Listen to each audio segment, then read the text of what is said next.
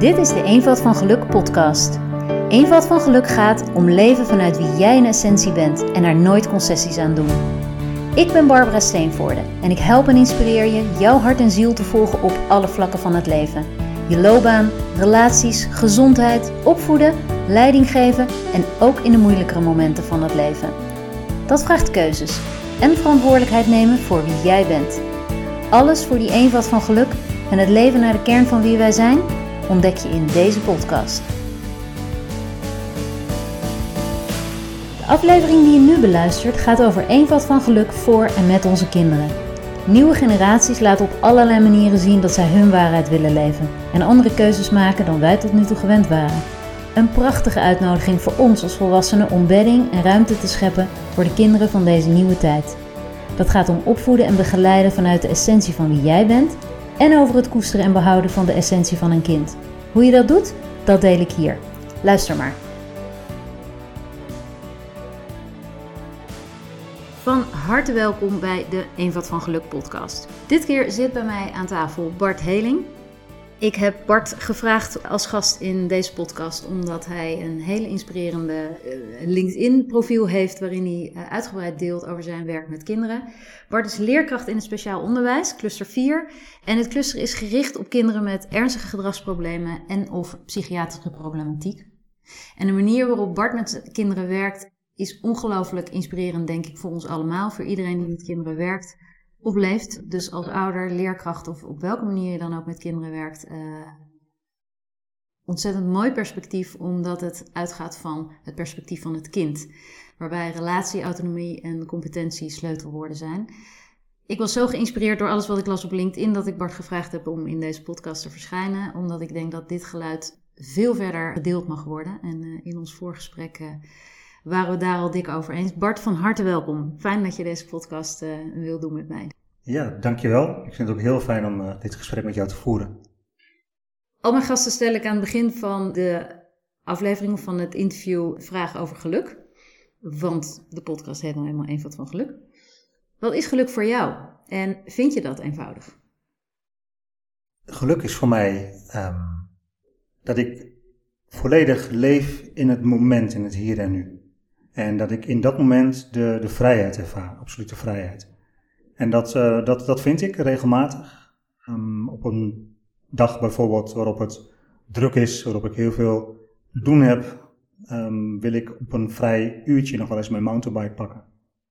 En, of door het centrum van Emmen rijden, of even door het bos. En dan ben ik ongestoord.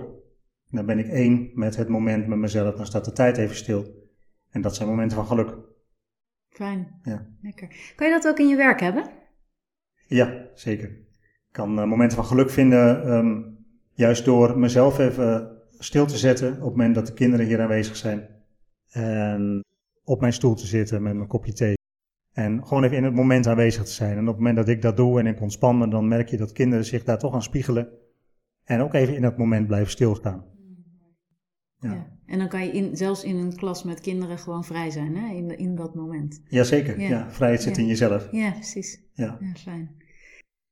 Heb je nog iets uh, toe te voegen op de introductie die ik uh, over je deed? Wat is, uh, ja, wat, wat mogen we nog meer van je weten? Ja, je mag best heel veel van mij weten. Ik ben 52. Ik heb 20 jaar geleden de stap naar het onderwijs gemaakt. De laatste vijf jaar in het speciaal onderwijs. Ik ben getrouwd, ik heb drie volwassen kinderen en een hond. En ik uh, fiets dus heel graag, wat ik net al zei, de mountainbike. Ik wandel veel met de hond en ik sport nog. Lekker. Ja. Uh, je zegt twintig jaar geleden overstap gemaakt naar het onderwijs. Wat deed je daarvoor? Mag ik dat vragen? Jazeker. Daarvoor was ik financieel adviseur bij Fortis. En in die functie kwam ik al vrij veel, nou vrij veel, kwam ik dagelijks bij mensen thuis. En in plaats van dat het over hun financiën ging, ging het eigenlijk veel vaker over de kinderen. En toen kwam er een reorganisatie rond de millenniumwisseling. Of toen werden de, de financiële markten in ieder geval onrustig. Die reorganisatie kwam daarna, rond 2002, 2003. En toen uh, kwam er een sociaal plan en toen kon ik de keuze maken om op kosten van Fortis mij te laten omscholen. Ik denk dat ik een van de eerste zijnstromers van Nederland ben geweest. Oh joh. Ja. En de, een van van geluk uh, in de podcast deel ik veel over uh, opvoeden en over ons contact met kinderen. Ehm, maar eenvoud van geluk gaat ook heel erg over je zielsmissie leven, betekenis vinden in het werk wat je doet, in de manier van leven. Hoe, hoe wist jij dat dat de stap was? Want het is nogal een andere stap. Ja, zeker een andere stap. Uh, eerst was het vrij, ehm, ging het automatisch, bijna onbewust, dat ik automatisch met de klanten bij Fortis uh, over de kinderen had, over het gezin.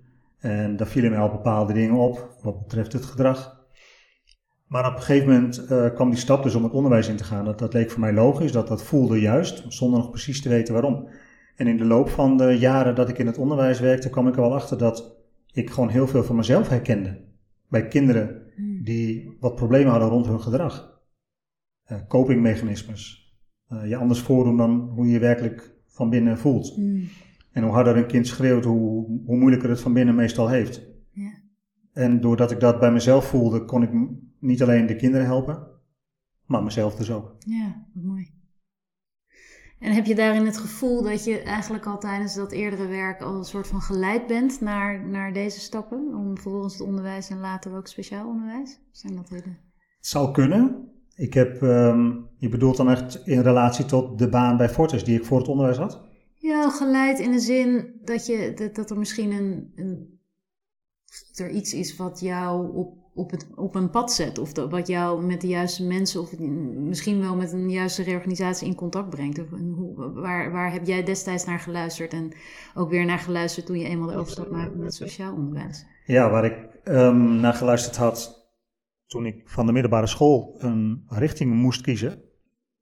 Um, dat was vooral datgene waarvan ik dacht dat het van mij verwacht werd. En die kant ben ik opgegaan. En dat was een economische kant. Dat was, um, ja, dat was voor de stoere jongens, voor de hmm. snelle jongens. Geld verdienen. En ik geloof inderdaad wel dat het zo heeft moeten zijn dat ik eerst dat pad heb bewandeld. Hmm. En al gaandeweg toch automatisch met mensen in contact kwam. Mensen in contact komen is altijd fantastisch. Verbinding zoeken mensen willen gehoord worden, willen gezien worden, willen hun verhaal kwijt. En um, dan, dan heeft het inderdaad zo moeten zijn. Ik heb die jaren ook nodig gehad om daarin te groeien. Ja, mooi. Ja. Eigenlijk deed je het toen al in, in, bij die mensen bij wie je thuis... Dat je toen al uh, eigenlijk achter de mens keek, achter, het, uh, achter de, de, bankrekening keek. Absoluut. Ja. Ja, en ik, ik merkte toen ook al dat het niet alleen de kinderen waren die problemen hadden, maar dat hun ouders natuurlijk ook te dieren hadden met diezelfde problemen. Ja. ja. En uh, ja, toen deed ik het al. Ja. Ik denk dat ik meer advies heb gegeven over dat proces. Of in ieder geval meer heb geluisterd naar de mensen over wat ze te doen hadden met hun kinderen, met zichzelf, dan dat we het daadwerkelijk over financiën hebben gehad. Ja. En uh, wat is uiteindelijk, je bent toen uh, in het onderwijs ingegaan, wat is uiteindelijk het moment geweest dat je besloot om speciaal onderwijs in te gaan? Ik, uh, ja, ik heb jarenlang dus regulier onderwijs gewerkt. Ik denk wel bijna 15 jaar. In de loop van die jaren ben ik eerst een, um, een masteropleiding gaan doen voor Special Educational Needs. Voor, als gedragsspecialist. Mm -hmm. Maar de, de stap om naar het speciaal onderwijs te gaan was op dat moment voor mij nog helemaal niet aan de orde. Ik wist dat eigenlijk niet, dat dat hier zat kan me er ook weinig van voorstellen. En ik hoopte eigenlijk de kennis die ik had opgedaan te kunnen gebruiken in het werk wat ik aan het doen was in het regulier onderwijs. Hmm. Pas toen ik, en dat is ook wel een item waar ik wel eens over schrijf, pas toen ik zoveel druk aan het ervaren was binnen dat regulier onderwijs voor het moeten presteren. En dat ging drijven. Want ik wilde vooral dat kinderen met plezier naar school gingen. Hmm. Ook alle kinderen, dus ook het kind wat stil is, het kind dat ja. clownisch gedrag vertoont, het kind dat er vaak niet is het moment dat de deur dan dicht ging, had ik gewoon een groep. Dan waren het mijn leerlingen. Yeah. Dan was ik hun meester Bart met de grapjes en de gitaar. Maar als dan de directrice binnenkwam en die kwam met een afvinklijstje en dan moest het gepresteerd worden, dan moest het voldoen worden aan een aantal eisen. En, en dat botste. En naarmate dat langer duurde, kwam bij mij meer het gevoel van ik, ik moet wat anders, wat wel in lijn ligt met wat ik graag wil doen. En zo ben ik bij het speciaal onderwijs terechtgekomen waar die druk niet is. Dan moet wel onderwijs gegeven worden bij ons. Maar niet dat elke CITO C-score een B-score moet worden. Nee, nee. Wij zijn gericht op gedrag. Ja. Ik heb ook echt wel het gevoel dat, dat nagenoeg iedereen die aan het onderwijs begint ook die wens heeft hè, om echt van betekenis te zijn voor leerlingen. En ik hoor het zoveel van leerkrachten die ik spreek, die uiteindelijk de keuze hebben gemaakt om daaruit te stappen, omdat ze dat waarvoor ze het gingen doen, eigenlijk helemaal niet kunnen in het regulier onderwijs. Dat hoor ik jou nu ook zeggen. Ja, als ik daar iets over schrijf op LinkedIn, dan wil je niet weten hoeveel reacties je krijgt van mensen die zeggen dat is precies de reden waarom ik ooit gestopt ben. Of dat is voor mij de reden waarom ik nu thuis zit. Ja. En dan komen er ook nog eens berichten vanuit de minister, vanuit de politiek, dat we nog meer moeten presteren voor rekenen, taal, lezen, omdat we internationaal achterlopen. Dat is de basis. Van de week stuurde minister Wiersma zelfs een post over dat we ook zelfs op de kinderdagverblijven aandacht moeten schenken aan lezen en rekenen en schrijven. Um, de druk wordt zo ontzettend opgevoerd. En weet je, als, als, als je de, de opleiding doet, hè, Pabo, en je wil leerkracht worden, en dan heb je al de intenties. Je wil kinderen eh, helpen op dat pad van ontwikkeling. Je hebt uh, passie, je hebt ambitie, het romantische beeld. Ja. En als je eenmaal op school bent en je bent gestart en je draait een tijdje, dan merk je dat je helemaal niet zelf kan invullen hoe jij je dag wil inrichten.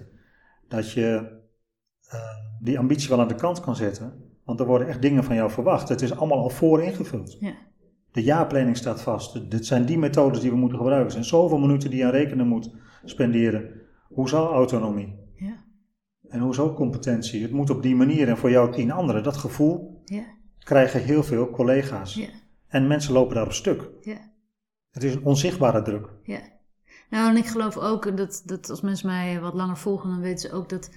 Ik geloof dat als je je betekenis, hè, je zingeving, je passie volgt in het leven, dat je dan altijd in goede energie zit. Maar als je op een gegeven moment daarvoor kiest en vervolgens een totaal parallel ander pad moet lopen, terwijl je dat gekozen hebt vanuit die bevlogenheid, dan, dan ja, ga je gewoon letterlijk stuk. En, en het is dus niet wat, denk ik, echt onderbelicht is wat, van, van mensen die niet in, uh, in het onderwijs zitten. Dat het gaat niet om dat de financiële of de, administratieve romslomp zo, zo belastend is. Het, het feit dat presteren zo belangrijk is en je niet kunt doen waarvoor je op aarde bent. Dat is volgens mij waar mensen op stuk lopen. Ja, ja, er wordt wel gezegd van het komt door hoeveelheid administratie, door de grootte van de klas, maar dat zijn namelijk meetbare factoren. En op het moment dat men dat maar heel vaak zegt, gaan leerkrachten dat ook overnemen. Ja, het is vaste administratie, het is vaste grote klas. Maar als je even wat dieper nadenkt, waarom heb je dan met die minder administratie in een kleinere klas nog steeds dat gevoel? ja, Dat is die druk, die onzichtbare hand op je Ja. keel. En, en niet kunnen doen wa- wat je wilde doen, namelijk er voor die kinderen zijn. Ja, Ja, ja. Ja, En we, we lijken wel, ehm, ja, we, we zijn geworden tot productiemedewerkers. ja. Maar dan had je dat vak wel gekozen. Was je al bij een autofabriek eh, gestart? Ja, Ja, maar je moet produceren en je Ja. moet resultaten halen. ja, Ja, ja. dat Ja, voelt dus, niet goed. dus fijn dat jij uiteindelijk de overstap hebt gemaakt, want daarmee ben je enorm van betekenis, denk ik. Als ik zeker als ik je boek zou lezen, denk ik, ach, wat fijn dat die kinderen jou hebben. Hè, dat is bij, op iedere bladzij voel ik dat. Dat moeten die kinderen ook voelen. Kan je daar iets van, van zeggen? Van wat merk jij van jouw contact en jouw aanpak met kinderen? Wat krijg je daarvan terug? Bij- Bijvoorbeeld een reactie, want ik zit nu dus sinds vijf jaar in speciaal onderwijs en sinds 2,5 jaar heb ik een klas voor eh, kinderen die voormalig thuis zitten zijn geweest, eh, hoofdzakelijk. En op het moment dat ik dan een kind dat drie maanden of een half jaar of een jaar lang thuis heeft gezeten, niet omdat het niet naar school wil, maar omdat het gewoon niet meer kon, Ja, hebben we al drie, vier verschillende scholen gehad. Dus niet alleen, dat nog even terugkomend op net, niet alleen de leerkrachten lopen daar op stuk, maar ook de leerlingen in die klas. ja, En het aantal thuiszitters is volgens mij nog nooit zo hoog geweest. ja gigantisch. Daar, daar moet een relatie in liggen. Tuurlijk. En nu heb ik het wel naar mijn zin in het speciaal onderwijs, maar ik heb nog steeds te doen met die collega's en die leerlingen die daar nog steeds op dit moment hinder van ondervinden. Maar ja, terugkomend op jouw vraag. Als ik dan een eh, kind in mijn klas heb en het, eh, het kind zit hier een week of drie, vier en de drempel was zo hoog om in naar school te gaan, de spanning is van het gezicht af te lezen. Als het kind een pen vast heeft, dan zie je die spanning ook in de hand, dat trilt. Maar na een tijdje komt die ontspanning, want er wordt hier niet zoveel verwacht. Het feit dat je er bent is al fantastisch. En na een week of drie zegt een kind: Ik vind het fijn om weer naar school te gaan. Mm. Ik vind het leuk. Dat is voor mij al voldoende om terug te krijgen van een kind. Ja, en daar haal ik ook weer mijn gevoel van bevrediging uit. Ja, ja, tuurlijk. Ik krijg er helemaal kippenvel van. Ja, ik ook. Ik begon net al met tekst die achter op jouw boek staat, hè, wat, wat ik denk essentieel is voor echt het goede doen voor kinderen. Dus Of je nou opvoeder bent of leerkracht of op welke andere manier. Maar bij elk gedrag zien dat het kind niet moeilijk is, maar moeilijk heeft. Eh, dat is het speciaal onderwijs denk ik zo, maar eerlijk gezegd, maar daar ga ik zo direct nog wel wat over vragen. Maar ook voor alle kinderen eigenlijk. Hè? Dat, Mhm. dat gedrag is maar de buitenkant, het is maar een signaal. Kun je daar iets meer over zeggen? Hoe jij daarnaar kijkt? Jazeker, ja. Kijk, een gedrag kan soms eh, heftig zijn en storend. En, ehm, en dat kun je voelen. Het is niet zo dat ik dat niet voel. Ik word ook geraakt door het moment waarop een kind tegen mij aan het schreeuwen is of, Mhm. ehm, of mij wil aanvallen. En het is ook niet zo dat ik op dat moment, alle minuut, dus alle seconden eigenlijk, meteen denk van, oh, dit kind heeft het moeilijk in plaats van dat het moeilijk is. Hmm. Wat ik dan doe, is ehm, even een paar seconden wachten met mijn eigen reactie. Ja? Omdat je eerste impuls is, is je oude oordeel, zijn overtuigingen die je van vroeger hebt meegenomen. Ja. En zo kan bijvoorbeeld een, een vuurwerk afgaan en daar kun je in één keer van schrikken. Dat kun je niet controleren. Dat is een, een reactie vanuit je reptiele brein, vanuit je hersenstam. Nou, zo heb je ook een initiële reactie op dat gedrag van een kind. Maar als je dan even wacht met je reactie, vijf seconden of zo of zes, moet wel veilig zijn uiteraard, anders moet je handelen. Maar dan kom je voorbij dat eerste gevoel. Ja, mooi. En dan kun je heel objectief reageren. En dan kun je inderdaad die stelregel blijven hanteren van dit kind heeft dit moeilijk. Ja, dus dat is eigenlijk dat je heel bewust bent van je eerste ehm, puur natuurlijke stressrespons. Hè? Die, Dat die is gewoon een, een, een. Wij zijn mensen, dus wij, dat is onze manier, nou, net als de rest van het dierenrijk, hoe we reageren op stressvolle situaties. Dat is gezond om zo te reageren, maar dat je je bewust bent van, maar daar hoef ik niet in elke situatie naar te handelen. Ik neem die zes seconden en dan ben ik voorbij die eerste reactie. En ik denk dat dat ja, vaak eh, als we onder druk zijn in het werk of in ons privéleven met kinderen, dat dat echt veel vaker mogen doen. Hè? Die zes seconden even betrachten. Zes, of vroeger zeiden ze tel maar even tot tien, daar Ja. zit dus echt een gedachte Ja. achter. Want die reactie, die is van jouzelf. Ja, De boosheid die je voelt, of eh, de frustratie, is je eigen boosheid en frustratie. En die zegt nog helemaal niet zoveel over dat kind of over die anderen. ja, En als iedereen dat zou kunnen toepassen, ook in de politiek of in het bedrijfsleven of op straat, in het verkeer. ja, Nergens anders word je zo geconfronteerd met het gedrag van een ander als in het verkeer. ja. Dan zou de wereld er wel heel anders uitzien. Ja, kun je iets meer zeggen over wat je bedoelt met die eerste reactie die zegt iets over jouzelf? Want heel veel mensen zullen zeggen, die nu luisteren, ja, is toch logisch dat ik, eh, dat ik het niet oké vind als mijn kind tegen me eh, een stoel aantrapt of, eh, of tegen mij aantrapt. En jij zegt, nee, die, die reactie die er dan komt is toch van jouzelf. Kun je daar iets meer over kwijt? Ja, het is natuurlijk logisch dat het niet oké is dat een kind tegen een stoel aanschopt of, of jou wil aanvallen. Ehm, maar zet er tien verschillende mensen bij dat kind en dan zie je tien verschillende reacties. Ook al zijn ze heel minimaal in verschil, maar ze zijn verschillend.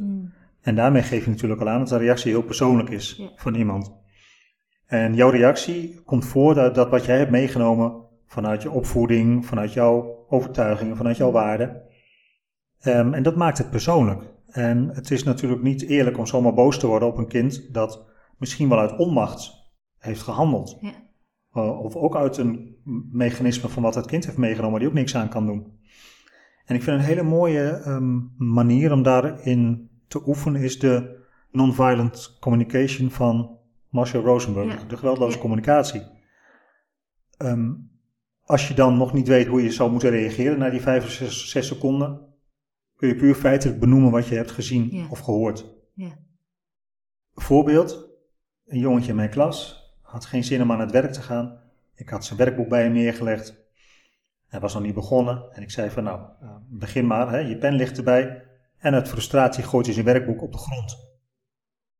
Nou, je eerste reactie is meteen vanuit je gevoel ehm, ja, een soort boos gevoel of een gefrustreerd gevoel. En dan zou je willen roepen van, hé, hey, dat doen we hier niet, hè? Mhm. Wil je dat wel eens even heel snel? Maar goed, dat zegt iets over mij. Dus ik wacht even met de reactie en ik zeg dan tegen hem, ik zie dat je werkboek op de grond ligt. Of ik zie dat je je werkboek op de grond hebt gegooid. Dat is feitelijk wat ik heb gezien. Mhm. Vervolgens draai ik me om en ga ik verder met mijn werk. 9 van de 10 keer pakt hij zijn werkboek op, gaat alsnog aan het werk. Zo bijzonder. Ja. Ja, en het is ook. Het, het is zeker een mooie aanpak, omdat het het soort in heel veel gevallen de-escaleert, hè, dat geweldloze communicatie. Dat je, eh, omdat de veroordeling die we vaak hebben in onze primaire reactie, eh, niet zit in die geweldloze communicatie. Dus dat het gewoon objectief registreren is van wat er gebeurt, of een vraag stellen, of, of constateren wat ik hoor is dat je daar Ja. boos over bent, of Ja. eh, ja, En je houdt het heel mooi bij jezelf. Je veroordeelt de anderen niet. exact. Ja, Want jouw eerste reactie is in feite een oordeel over de situatie. ja, En eh, je legt meteen de blame bij de ander neer. ja. Ik denk ook dat het hem daar vaak in zit als we niet zo handig reageren. Omdat we het werkboek op de grond gooien ook persoonlijk nemen. Hè? Alsof dat een soort disrespect is naar ons. Of naar het boek, of naar ja. spullen. Of naar Ja. dat we ons niet serieus genomen voelen als leerkracht of als ouder. Of... En dat kind is daar helemaal niet mee bezig. Nee, In, in heel veel gevallen niet. het kan misschien wel zo zijn. Hè? Het kan ook een statement zijn van het kind. Ja, eh, van ik wil laten zien dat ik het echt niet ga doen. ja. Ja, Maar dat gaat nog steeds over het kind en niet over jou als leer- leerkracht dat hij jou iets aan wil doen of jou een Nee. rotgevoel wil geven. Nee, het gaat erover een, een, een signaal afgeven. ja, in feite weet je niet wat de exacte intentie is van het kind. Nee, Dat het eh, zijn werkboek op de grond gooit. nee. Dat weet je niet. Dat, dat vind ik denk ik ook, dat komt heel veel eh, terug in eh, mijn eenvoud van geluk met opvoeden aanpak, is dat je het, signaal kan zien, hè, het, het uiterlijke gedrag, of dat wat, wat zichtbaar is, dat dat een directe link heeft met dat wat aan de binnenkant speelt. Dus ik, ik geef altijd als, als eh, goed voorbeeld, als een kind heel driftig de hele tijd is, dan, en dus een soort macht probeert te creëren hè, met dat bozig doen, of, of inderdaad eh, zijn werkboek op de grond gooien of dwars doen, dat dat eigenlijk juist een teken is van machteloosheid aan de binnenkant.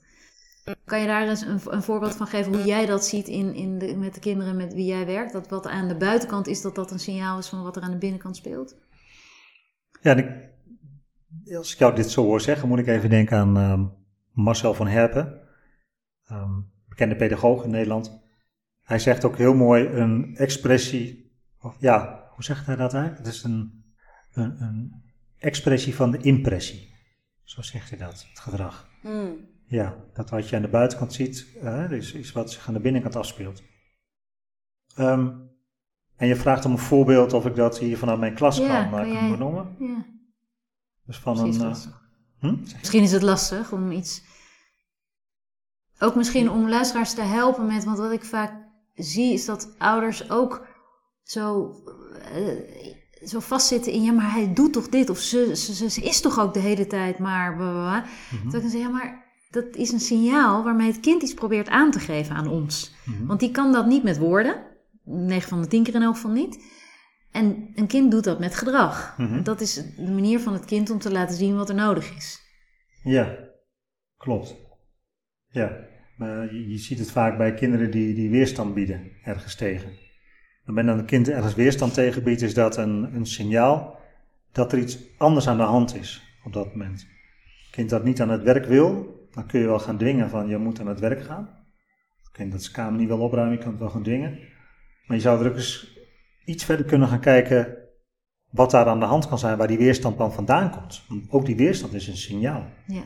En misschien heeft het ooit al een hele nare ervaring gehad met precies die sommen in dat werkboek. Ja. Of met het feit dat een leerkracht ehm, vond dat het werk afgemaakt moest worden en zo niet, dat hij dan niet mee mocht doen met buitenspelen. Ja. Ehm, wellicht dat eh, kameropruimen wel geassocieerd wordt met ehm, daarna meteen op naar bed. In plaats van Ja. daarna iets leuks gaan doen. Ja. Of dat het kameropruimen geassocieerd wordt met dat het niet goed genoeg is. Ja, je bent nog niet klaar hoor. Zoiets. Dus de weerstand is een uiting van een, een signaal dat er waarschijnlijk ooit iets heeft plaatsgevonden waar het kind nog een associatie mee heeft. En zo zie ik het in ieder geval. Dus ik neem daar iets meer de tijd voor en ik probeer er wat meer compassie in aan te brengen. Ja, ja. Je, wat ik ook uh, mooi vind is dat je, dat probeer ik ook vaak duidelijk te maken, van ook het stille kind in de klas, wat eigenlijk een soort het makkelijke kind is, of het stille kind in een gezin, ook dat is gedrag, hè?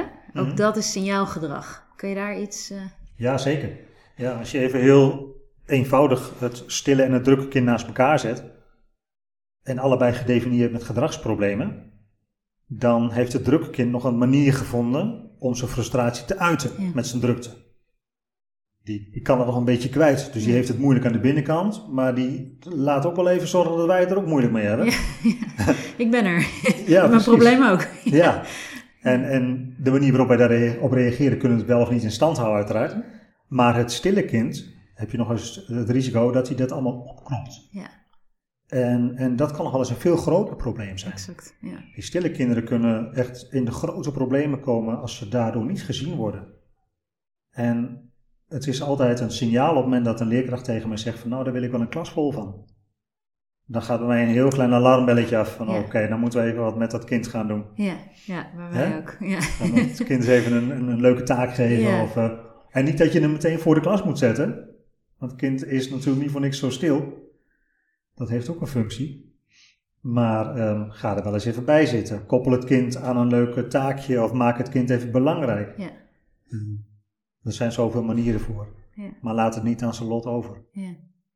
Ja, mooi. Blijf het zien. En dat is denk ik ook het, gevaar van de stille leerling, dat die op een gegeven moment ook niet meer gezien wordt, omdat het zo makkelijk is. Hè? Ja. Dat zie je soms bijvoorbeeld ook bij kinderen die, waarvan de ouders in scheiding zijn, dat, dat het kind betrekkelijk rustig is en er bij wijze van spreken tussen kijvende ouders doodstil braaf zit te spelen. En ons kind heeft nergens last van. Nee, je heeft er al lang al voor gekozen om zeg maar rustig te houden. Want Ja. des te eerder is het misschien voorbij. Of eh, eh, laat ik niet nog een duit in het zakje doen. Precies. En dan is er een broer of zus die wel degelijk een duit in het zakje doet. En eigenlijk het andere signaal laat zien van hou in hemelsnaam op met dat gedoe. Ja. Hè, die dus juist wel heel erg driftig is of alle aandacht op zich vestigt. Maar beide kinderen geven een signaal op zo'n moment. Ja, ik kreeg een keer het voorbeeld van een ehm, ambulancebroeder. Als ze bij een ernstig ongeluk gaan kijken, iedereen is geneigd om zich te richten op diegene met eh, altijd bloed en een gebroken been. Maar je zou voornamelijk eerst naartoe moeten gaan naar dat slachtoffer wat helemaal stil op de grond ligt of zit of Oh ja. verdwaasd rondloopt. Hè? Ja, ja. Eh, We zijn zintuigelijk ingesteld.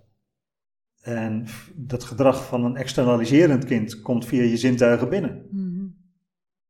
kind dat naar binnen gekeerd gedrag heeft, dat, dat neem je niet zomaar waar. Daar moet je wat meer over nadenken. Ja, Dat is mijn oproep. ja, ja. mooi. Goeie oproep. Dan hebben we, ik bedoel, dit is de stille leerling, maar dan hebben we ook de irritante leerling. En daar heb je ook over geschreven.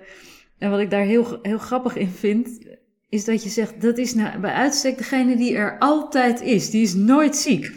Waarvan je juist denkt, je haalt dagelijks het bloed onder mijn nagels vandaan. Vraag constant negatieve aandacht. Wees eens een dagje ziek, dan kan ik even bijkomen als leerkracht. Wat, wat, is, wat is daar... Want ook dat is gedrag. En Weet je, dan, dan probeer ik altijd een leerkracht duidelijk te maken. Dit kind wil niet irritant zijn. Nee, En, en zie dat alsjeblieft, want hij voelt of zij voelt dat je het wel vindt. ja, Ehm, maar blijft het dus toch doen. Dus er is Ja. een reden waarom dit kind de hele tijd irritant is. zit onder je huid. Je voelt het, je kan er niet helemaal de vinger op leggen. En inderdaad, die kinderen zijn blijkbaar ook nooit ziek. Want het zou zomaar kunnen zijn dat de ouders thuis ook denken van ik moet van dat kind af. Dus ga alsjeblieft naar school, ook al ben je ziek. En ehm, alle kinderen in de klas kennen dat kind ook. Het kind wordt altijd genoemd, wordt altijd gecorrigeerd. Maar hij heeft ook altijd zo'n zo'n mondje klaar en zit iedereen altijd een beetje dwars, altijd van die kleine steekjes onder water te geven. Maar ook dat kind heeft andere aandacht nodig. Ja. Want door deze manier van doen, krijgt hij steeds reacties die dat bevestigen. Ja. En dat hou je allemaal met elkaar in stand. En juist leerkracht bent de eerste die hier verandering in aan kan brengen. Want waarom doet een kind dit, denk je?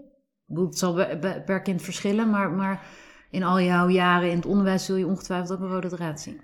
Ja, het, het waarom. Het, het, is uiteraard een copingmechanisme. Het is een, een vorm van clownesk gedrag vertonen van een kind dat, en dat is even een invulling, zichzelf niet kent. Mm. En ooit heeft ontdekt, als ik dit doe, dan krijg ik een reactie. Ja. Uh, ik ben blijkbaar een grappenmaker. Mm, dus ik moet zoveel mogelijk grapjes maken, want dan gaan mensen lachen en dan krijg ik reacties. Dit is wie ik ben. En dat kan ook in dat soort reacties uh, zitten. En dat kan een mechanisme worden. En als wij daar dus ook steeds op die manier uh, negatief op blijven reageren, dan hou je dat gedrag dus in stand. Ja. Onbewust. Ja. Want je reageert omdat je wilt dat het stopt. Maar dat wat je aandacht geeft, groeit. Dat groeit. Ja. Dus als je dat wil omdraaien, dan zou je dus een tegenovergestelde onverwachte reactie kunnen geven. Zeg elke dag dat je blij bent dat hij er is. Hmm. Geef een glimlachje, een hand. Misschien wil hij wel een high five, niet afdwingen, moet je hem wel even aanbieden. Zet een smiley bij zijn werk. Uh, geef hem belangrijke taakjes. Zorg dat het gezellig is voor hem. Geef hem een fijne plek in de klas. Dat verwacht hij allemaal niet. Nee, dus doe al die onverwachte dingen. Ja, want ik denk, denk, ook dat daarin nog een veel directere link van. Want ik zeg dan wel tegen een leerkracht of tegen ouders: wat, wat doet hij of zij de hele tijd ja, met dat irritante gedrag? En dat is constant, eigenlijk zie mij, zie mij, zie mij. Dus constant onder je huid. Dus, dus het kind wil dichtbij zijn. Maar eigenlijk duwen we het kind dan juist allemaal weg. En inderdaad, door die positieve aanpak kan je eigenlijk. Eigenlijk vraagt dit kind gewoon om een reactie of, of aandacht. Ja. Uh, en, en juist door die positieve benadering komt een kind dan ook tot rust. Ja, en wij vullen wel in van zie mij, zie mij. Dus wij kunnen al woorden geven aan deze situatie. Maar het is meestal niet zo dat je daar met het kind echt over kan praten. Nee, nee. Mensen zijn toch wel geneigd, hè? Mijn, mijn zoon noemt het een praatschappij waar we in leven. Ja. Er wordt heel veel gepraat. um, om ook met kinderen hierover te praten. Om dingen te gaan uitpraten, om dingen te bespreken. Ja. Um, heeft niet zoveel zin. Nee. Nee. Daar hebben kinderen ook helemaal geen, geen baat bij, ook geen, geen behoefte aan, geen zin in. Maar uh, dat werkt ook anders. Die hersenen zijn nog volop in ontwikkeling en die moeten we niet volstoppen met allemaal praten. Dus wij zeggen wel, zie mij, zie mij. Nou, het is prima dat we het inderdaad zo voelen. Daardoor gaan we het kind ook zien en dan kunnen we gaan handelen. Exact. Ja. ja. Mooi. En dan inderdaad op een positieve manier in plaats van met de negatieve aandacht. Ja. Hè? Want dan, dan krijg je wel aandacht, maar dan is dat op een manier die misschien niet precies is wat jou helpt of wat het kind helpt. en, wat jij net zegt, een aandachtzoeker is eigenlijk gewoon een verbindingtrekker. Ja. Een aandachttrekker is een verbindingzoeker. Ja. Maar uh, uh, ja, door, door het gewenste gedrag zelf te laten zien, zul je eerder het gewenste gedrag van het kind ook terugkrijgen. Als ik aardig tegen dat kind ben en dat blijf doen, het is niet zo dat dat op de eerste dag meteen werkt hoor. Nee. Ook niet op de tweede dag en ook nog niet na een week. Misschien nog niet eens na drie weken. Volhouden dus. Ja. Maar na een tijdje komt dat uh, heus wel goed. Ja. Er was één voorbeeld in jouw boek uh, van dat kind wat zei... Oh, dat vond ik zo prachtig. Dat, die, dat jij vroeg, wat wil je later worden?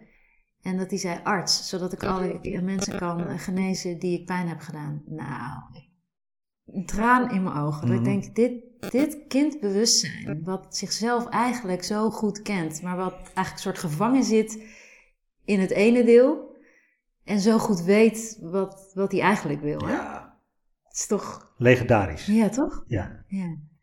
Dan heb je eigenlijk geen woorden meer dan, toch? Voor zo'n Ook niet nodig. Wijsheid. Nee. Nee, hij heeft heel veel verhalen opgeleverd voor mij, heel veel inspiratie. Ja, ja. geloof ik. Prachtig. Jongetje met veel humor. Ja. ja. En hij doet het nou goed. Hè? Hij heeft een tijdje bij de SO Plus klas gezeten hier, in, in deze speciaal onderwijsklas. En hij zit nu mhm. op een reguliere basisschool. Mm. Ja, volledig naar school. Ja, wat prachtig. Ja, Mooi. Dus misschien wordt hij wel daadwerkelijk arts. Ja.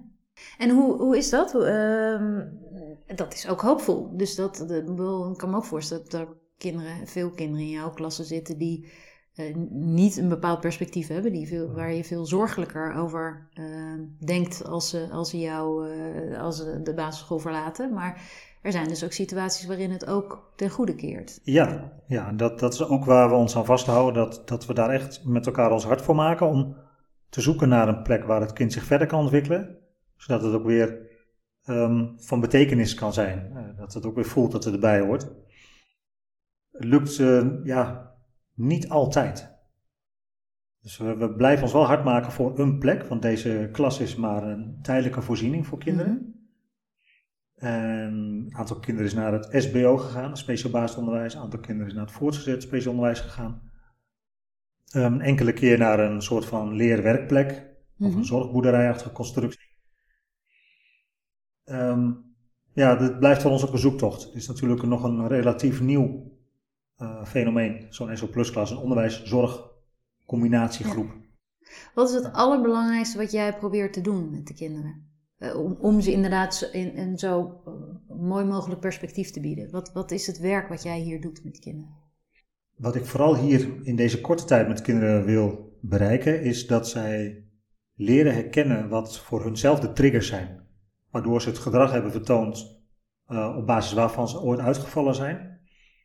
Op het moment dat het kind zelf die trigger kan herkennen, eh, is het ook niet meer afhankelijk van welke volwassenen of andere mensen het tegen. Ja. Want dan kan het eh, zichzelf meer plaatsen in, in de context. En dan is het gedrag soms ook niet meer nodig. Dus dan krijg je op basis daarvan toch een, een stuk zelfregulering Ja. in zo'n situatie. En dan neemt het gedrag vaak ook af. Ja, Lukt niet altijd, maar dat is wel eh, mijn voornaamste doel. ja. En natuurlijk ook dat het kind weet dat het ergens bij hoort, dat het ook belangrijk is en gezien wordt. Ja, En je zegt ook veel, eh, autonomie komt al een paar keer voor in je boeken. Dus op het moment dat een kind die triggers herkent, is dat dan een volgende stap die je met kinderen kan maken hier? Van, wat kan je er nu zelf mee? ja zeker.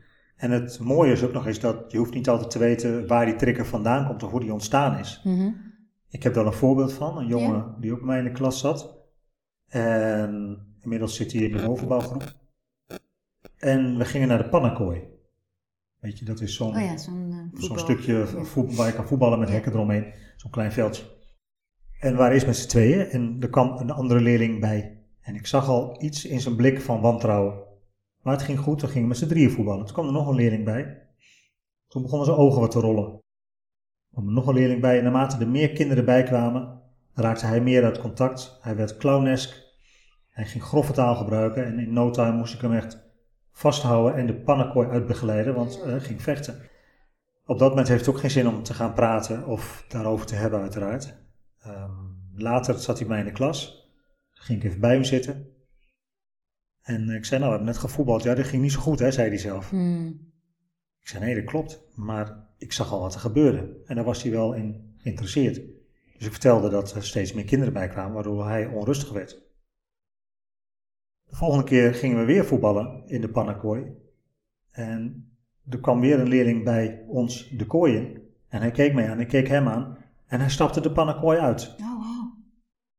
En een keer weer daarna waren we in de pannenkooi. kwam nog een leerling in. Hij keek mij nog even aan. Er kwamen nog meer leerlingen bij. We hoefden er helemaal niet achter te komen Nee. wat er gebeurd was. Hij wist dus dat hem dat triggerde. Ja, precies, dat bedoel ik. Het gaat helemaal niet om de oorsprong per se. Het kwam ook uit vanuit zijn onderbewustzijn. Ja, Werd het een bewustwording. En het is niet meer nodig. nee. Nou, dat, Dat- soort triggers. Ja. En Dat is echt wat ik elke keer zie bij kinderen. Het onbewust is er, er is een weten in een kind, altijd. Ja. En het, alleen het kind zit soms gevangen in dat het gewoon niet weet hoe het daarnaar kan handelen, omdat het gewoon ge- zo getriggerd wordt. Ja. Daar, dat vertrouwen daarin, en dat is ook wat ik heel erg voel dat jij die kinderen geeft. Hè? Het vertrouwen in dat het kind dat wel weet te vinden op zijn moment, op zijn tijd. ja, ik hoef niet in te vullen waarom hij dat doet of wat hij ermee zou moeten doen. Nee, Het was alleen maar bewustwording. ja.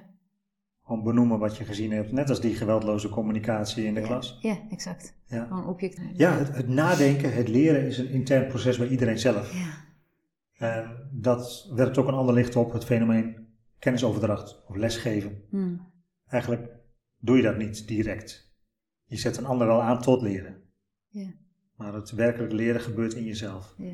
Waar ik me heel erg in eh kon vinden, omdat het heel erg het, het, ook hetgeen is wat ik in met eenvoud van geluk met opvoeden doe en probeer te doen, is een aantal dingen. Eh, humor, heel erg belangrijk. Ruimte geven, vertrouwen geven.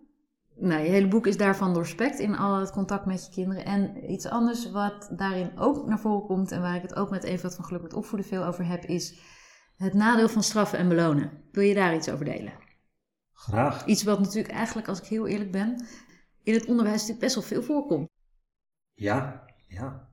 Onderwijs uh, vroeger en nu wordt nog steeds veel zowel gestraft als beloond. En zelfs belonen heeft, een, uh, heeft natuurlijk een risico. Ja. Ten eerste kan ik erover zeggen dat het extrinsiek motiverende maatregelen zijn. Als je uh, gestraft kan worden omdat je iets gaat doen, dan laat je het achterwege uit angst voor die straf. En niet omdat je zelf belangrijk vindt om het anders te doen. Ja. Maar een beloning heeft ook een risico dat je iets doet om die sticker te krijgen. Of om dat cadeautje thuis te krijgen. Ja. Um, en ook niet zozeer omdat je zelf van binnen gemotiveerd bent om datgene te doen. Uh, daarnaast vind ik belonen, in de zin van complimenten geven, ook een risico hebben. Ja. Omdat op het moment dat een kind iets automatisch doet, waar dus onbewust bekwaamheid te vinden is, en gaat het kind daar een compliment op geven of belonen, ga je in feite een stapje terug naar Ja. bewuste bekwaamheid. Dan gaat het de volgende keer weer die beloning of dat compliment verwachten. Ja. Dus als je ziet dat een kind iets doet, laat het gewoon zo zijn. Ja, je had een mooi voorbeeld over die, eh, iemand die met jouw zoon bezig was geweest, over die tas. Ja, ja, klopt. Hij, eh, hij hing zijn jas netjes op en zijn tas netjes in de bak en de kleuterjuf. Ik zie het nog zo, die, die zei, wat goed van jou. Nou, je, je tas netjes op en je, en je jas keurig. En hij keek helemaal zo. En nou, de volgende dag ging hij naar school en keek hij weer of de juf wel zag dat hij dat deed. Maar de juf zag het al niet meer. Nou prima, joh, dan gooi ik hem wel neer. Terwijl hij het daarvoor gewoon uit zichzelf deed. Ja, Ja. Ja. Ik, heb, eh, ik las laatst van een onderzoek, het gaat hier helemaal over, over kinderen die eh, in een kleuterklas hadden ze, op verschillende kleuterklassen hadden ze kinderen geïnventariseerd, maar die uitzonderlijk goed konden tekenen als kleuter. En ze gingen die kinderen allemaal complimenten geven voor hun tekening. En wat ze zagen, na, na, ik geloof al na een week, van complimenten voor hun tekeningen, dat al die kinderen stopten met tekenen. Dus eigenlijk wat er gebeurde, dat die kinderen intrinsiek gemotiveerd waren om te tekenen. Dus eigenlijk de kunstenaars in spe. Op het moment dat ze complimenten kregen, eigenlijk ze dus alsnog extrinsiek gemotiveerd werden. En het dus de intrinsieke motivatie of de intrinsieke beweging, de natuurlijke beweging om te tekenen, uh, eruit geramd werd eigenlijk. En toen dacht ik, wow, wat, wat heftig inderdaad, hoe, hoe ons, onze kinderen dus ook kunnen verpesten. Dat, dat dat wat ze uit zichzelf gewoon vanuit liefde en vanuit hun oorspronkelijke beweging willen doen, uh, ja, eigenlijk eruit halen door daar complimenten over te geven. bizar hè? Ja, het heeft zoveel meer impact dan we denken. Ik denk dat de grote schilders van nu uh, waren dat niet op het moment dat ze nog leefden. Mhm. Volgens mij, ja, misschien Rembrandt wel, Mhm. die dat een opdracht deed. Maar om, om maar aan te geven dat dat gewoon intrinsiek gemotiveerde mensen waren en, en pas de erkenning kregen na hun dood. Nou wil ik niet dat dat voor kinderen ook zo is. Nee. Maar, maar neem die tekening achter in mijn klas met die zonnebloemen. Die is ehm, gemaakt door een, eh, een meisje uit mijn klas een tijdje geleden. Ze was eh, heel erg boos, heel erg wild. Ze wilde het brandalarm indrukken. En eh, ik sprak haar op mijn manier vermanend toe. En ze was ook een beetje kortaf van hou nu maar je bek, zei ze. Nou, toen dacht ik prima, boodschap is ontvangen. Maar jij gaat schilderen. Ik weet ze van tekenen houdt. Dus ik heb kwasten gepakt en verf en een groot papier. En ze is eh, eerst een soort van torso gaan maken, maar uiteindelijk is het toch een bos bloemen geworden. En die torso is een soort van vaas. En toen ze klaar was, vroeg ze van, eh, wat vind je van mijn tekening, meester? En toen zei ik van, ja, maar wat, wat denk jij dat ik als meester dan zeg, als jij vraagt wat ik van je tekening vind? Een leraar zegt altijd, ja, mooi, Ja. maar je hebt niet zoveel aan mijn mening. Ik zeg, ik kan wel zien dat je veel aandacht aan je tekening hebt geschonken. Dat je verschillende kleuren hebt gebruikt. Ja. Ik kan zien dat het zonnebloemen zijn. Ehm, maar wat vind jij eigenlijk zelf van je tekening? Ja, ik vind het wel heel mooi, zei ze. Ik zei, nou, dan heb je daar je antwoord. Ja, precies. Ja, mooi. Ja. Eh, je zei op mijn manier vermanend toespreken. Hoe is dat? Ja, ik ehm, heb mijn leerlingen op het hart gedrukt. Op het moment dat ze hier binnenkomen, dat ik niet boos word. Mhm. Al deze leerlingen hebben op vorige scholen waar ze gezeten hebben te maken gekregen met boze leerkrachten. eh, dat ze zijn geschorst geweest eh, of eerder opgehaald. Vaak hebben ze thuis te maken met de boosheid van ouders of onmacht. Ehm, dus als ik al iets kan doen waar ik ook controle op heb zelf, is het niet boos worden op deze kinderen. Een soort van garantie. Mhm. En dat kan ook makkelijk op het moment dat je de geweldloze communicatie toepast. En die tien seconden. En die 10, 10 seconden of Ja, eh, 5 ja. seconden, maar in ieder geval Ja. even wachten. Ehm, maar goed, dit meisje had een week of twee weken daarvoor al daadwerkelijk op het brandalarm gedrukt. Waardoor de hele school, de beide scholen, onderuit moesten worden. Oh, En iedereen dus naar buiten was. En zij had dat in een soort van blinde paniek ja. gedaan. En ehm, daarna hebben we een afspraak gemaakt op het moment dat ze zich weer zo voelt. En weer een beetje uit contact gaat. Dan gaat ze naar haar lievelingsjuf. En dan gaat ze met die lievelingsjuf naar buiten. Hm. Dat was de aanpak. En ik zag dat ze weer in zo'n staat kwam van uit contact raken. Dus ik wilde dat voorkomen. Dus met een wat strengere stem, duidelijk staan voor haar, haar echt aankijken, zei ik dus: Dit is de afspraak die we gemaakt hebben. Hm. Dat is dus het vermanen en Ja, toespreken. ja, ja. En toen keek ze me aan, ze wist het weer en ze zei: Hou nu maar je bek. Oh ja. Ja, want ze bleef boos natuurlijk. Ja, ja. Ja. ja. Maar daar heb je nou verder niet mee. Nee. Nee. Ja, want wat doet dat met jou? Want ik, wat gebeurt er wel echt veel. Hè?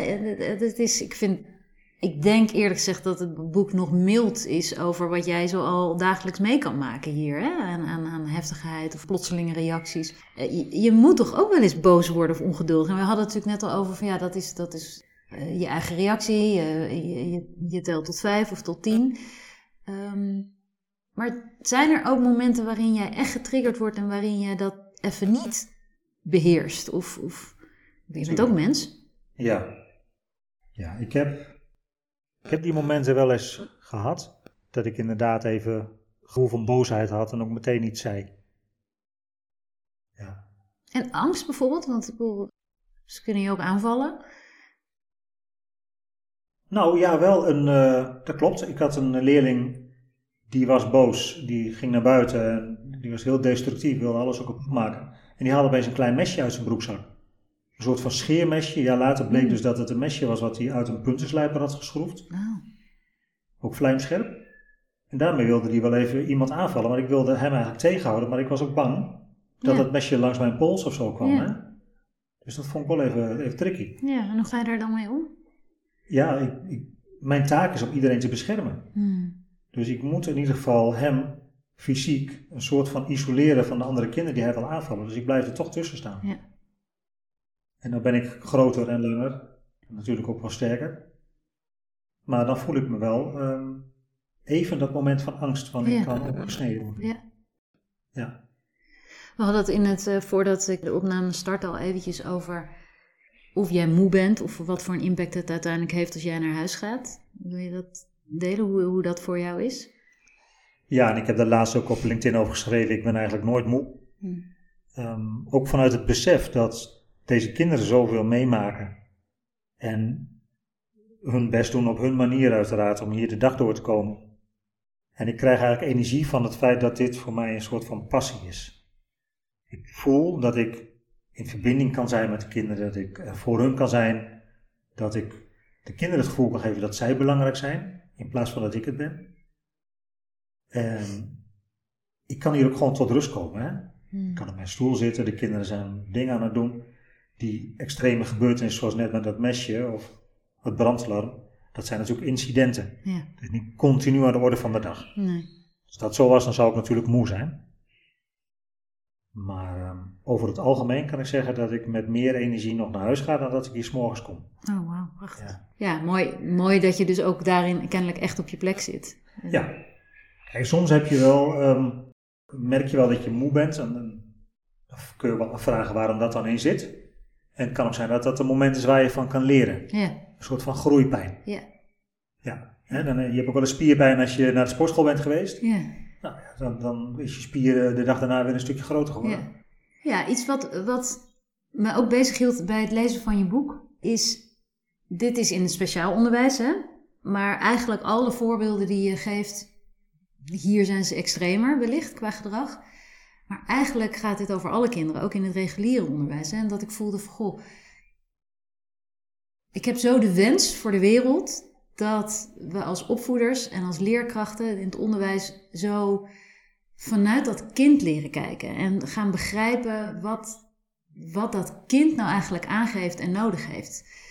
Hoe zie jij dat in het onderwijs? Wat, wat vind jij dat er nodig is? Ja, het is niet voor niks de subtitel van mijn boek. Kijken vanuit kindperspectief. Dat, zou, uh, dat is echt mijn grootste wens, dat we dat allemaal doen. Hmm. Ik krijg regelmatig reacties van mensen op LinkedIn. Vaak achter de schermen. Van de struggle die ze nu nog steeds meemaken in hun volwassen leeftijd. Door hoe ze op school niet gezien zijn, ja. verkeerd gezien zijn, onbegrepen zijn. En als je dat alleen al in oogschouw neemt, dan moet je nagaan hoeveel potentie er verloren is gegaan. Ja. Wat mensen hadden kunnen bereiken, hadden kunnen doen. Door puur een andere schooltijd te hebben mogen ervaren.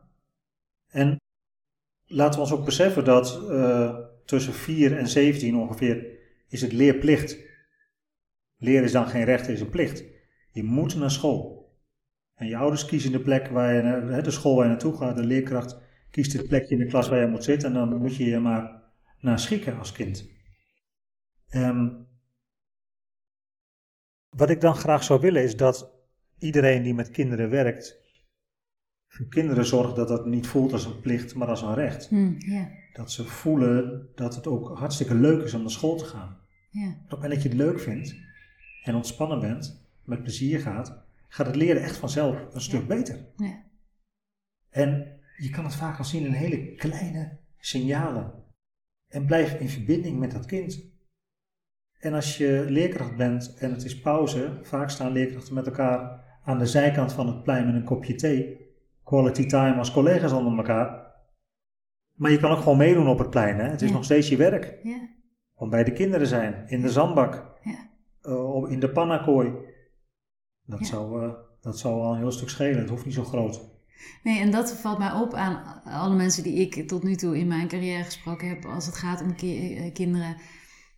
Ik zie echt een groot verschil tussen de leerkrachten inderdaad die met een kop koffie staan te kletsen. Die, die, ontspanning heb je misschien ook nodig, dat snap ik. Maar je bent wel nog aan het werk. En er is zoveel moois doen juist in dat buitenspelen. Hè? Of, of in dat moment dat een kind uh, nog na moet blijven of zijn ouders zitten een gesprek te voeren met, met de leerkracht. En, en dat kind zit dan in zijn eentje in zo'n enorme uh, grote ruimte van school. Dat ik denk, ja, en al die leerkrachten die denderen er langs. En denk, ja, maar ondertussen, er gebeurt wel iets. Het kind zit nog steeds in jouw school. Hè?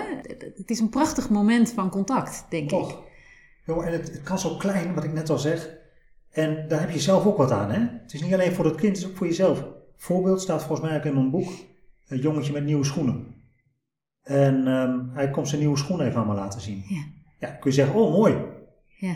Succes jongen. En je gaat weer verder met je kop koffie. Maar je kan ook even op je hurken gaan. Zeg, oh nieuwe schoenen jongen, laat eens even kijken. En dan ga je er even in knijpen in die schoenen. En je zegt van zo, echte rubberen zolen.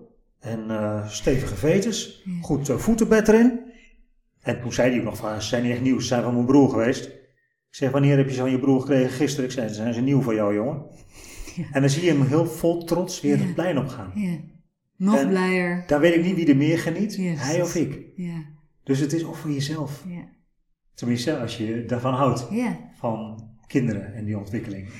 Ja, en, en het andere wat in mij opkwam. Hoe denk je dat het komt dat jij dit zo goed aanvoelt?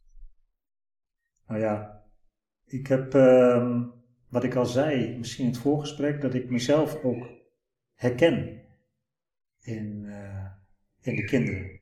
In de manier van doen. Misschien is dat wel een geluk bij een ongeluk. Ik heb me als kind ook nooit gezien gevoeld. Hmm. Clownesk gedrag vertoond, compensatiegedrag. Um, en ik heb ook afgevraagd waar mijn gevoelens van onzekerheid en angst vandaan zijn gekomen vroeger als kind. Hmm. Dat ik heel liefdevol en beschermend opgevoed ben. Maar dat komt bij, waarschijnlijk bij de jeugd van mijn ouders weer vandaan. Ja. Die hebben een heftige jeugd gehad, allebei. Ja. Transgenerationele overdracht. Ja. Misschien iets voor een volgende podcast. En toch, ja. en toch heb jij kennelijk in jouw kindertijd al een, bewust, een hoog bewust gevoel gehad van dat je dat ervaart. Want ik denk dat er zoveel kinderen zijn die clownesk gedrag hebben of, of, of zich onbegrepen of niet gezien of gevoeld. Maar op de een of andere manier jij dat dus dusdanig is bijgebleven dat je er uiteindelijk vandaag de dag nog steeds iets mee doet. Ja, het gevoel is bij me gebleven. Uh, heel veel dingen die ik gedaan heb, die kan ik me echt niet meer herinneren. Maar dat heb ik later teruggehoord van anderen die bij mij in de klas zaten. Ah, Dat ik een irritant jong kon zijn. oh ja. Ik ging altijd over de grens. ja. Dat wilde ik niet. Nee, en ook daarin het be- bewustzijn van, goh, had iemand maar begrepen wat er in mijn binnenkant gebeurt. Hè? Of Ja. in elk geval ge- geprobeerd had door mijn ogen te kijken. Niemand die het zag, Nee, denk ik. nee. Niet dat ik het gemerkt heb. Nou, en die enkeling inderdaad, die dat dan wel doet in je leven, eh, blijft dan altijd bij, hè? Dat is ook waar we het in het voorgesprek over hadden. Je, bent, eh, je wil graag een boek weggeven, hè? jouw boek, Mhm. eh, aan de luisteraars. En ik vroeg aan jou van, hoe zullen we dat doen? Wat, wat zullen we daarvoor terugvragen? En omdat we allebei al meteen in het voorgesprek zo deelden van hoe belangrijk wij het vinden... of hoe wenselijk wij het vinden dat de wereld echt wat meer het kind gaat zien vanuit het kindperspectief... was jouw voorstel om luisteraars eh, mogen een voorbeeld eh, sturen aan mij... waarin ze delen hoe zij zelf eh, ooit hebben ervaren dat iemand hen echt begreep of echt door hun ogen keek. Of dat ze misschien met hun eigen kind hebben ervaren, oh die leerkracht of die arts of die persoon gaf mijn kind of mij echt het gevoel eh, mijn kind werkelijk te zien door de ogen van het kind zelf. Dus bij deze aan de luisteraars dat verzoek. Eh, vind je het leuk om dit fantastisch mooie, inspirerende boek eh, vol humor en, en nou, doorspekt met liefde voor kinderen. En liefde van kinderen vind ik ook, want die, dat, dat straalt het boek ook uit. Eh, wil je daar een kans op maken? Stuur dan aan mij een bericht met jouw ervaring van het eh, kijken vanuit het kindperspectief. Bart kan dat dan delen op zijn LinkedIn en misschien in een volgend boek, wie weet. En ik ga dat eh, vanuit mijn platformen delen. Dus dat leek ons een mooie soort winactie die we aan, deze, aan dit interview kunnen koppelen. Bart, ik wil je ongelooflijk bedanken. Allereerst voor je boek. Nee, misschien wel allereerst voor al het werk dat je voor die kinderen doet. En blijft doen, volgens mij, want je bent nog lang niet klaar. Uh, ongelooflijk bedankt dat je met dit boek ook weer de wereld bewust maakt van dat kindperspectief. Dat ieder kind echt alleen maar het moeilijk heeft soms, maar niet moeilijk is. En uh, dat je mijn gast wilde zijn in deze podcast en uh, mijn luisteraars wilde inspireren. Graag gedaan. Jij ook bedankt. Heel fijn gesprek. Goed zo, fijn. Bedankt. En dan voor de luisteraars, dank dat je weer geluisterd hebt en tot de volgende. Dag. Als je door deze aflevering enthousiast bent geraakt over geluk in opvoeden, schrijf je dan in voor de masterclass Begrijpen wat je kind bedoelt via www.barbarasteenvoorde.com slash masterclass begrijpen. Leuk dat je deze aflevering geluisterd hebt. Ik hoop dat je erdoor geïnspireerd bent geraakt om nog meer te gaan leven naar jouw essentie om vervolgens alles op je pad te krijgen wat daarbij past. Ben je nu toe aan meer geluk en wil je dat ik je meeneem in mijn plannen en inspiratie? Dan kun je me vinden via mijn website barbarasteenvoorde.com en op Instagram, Facebook of LinkedIn. Als je alle Eenvoud van Geluk afleveringen wil blijven volgen, klik je op subscribe of abonneren in je podcast app. En ik waardeer het heel erg als je mijn podcast deelt met anderen of als je een review achterlaat.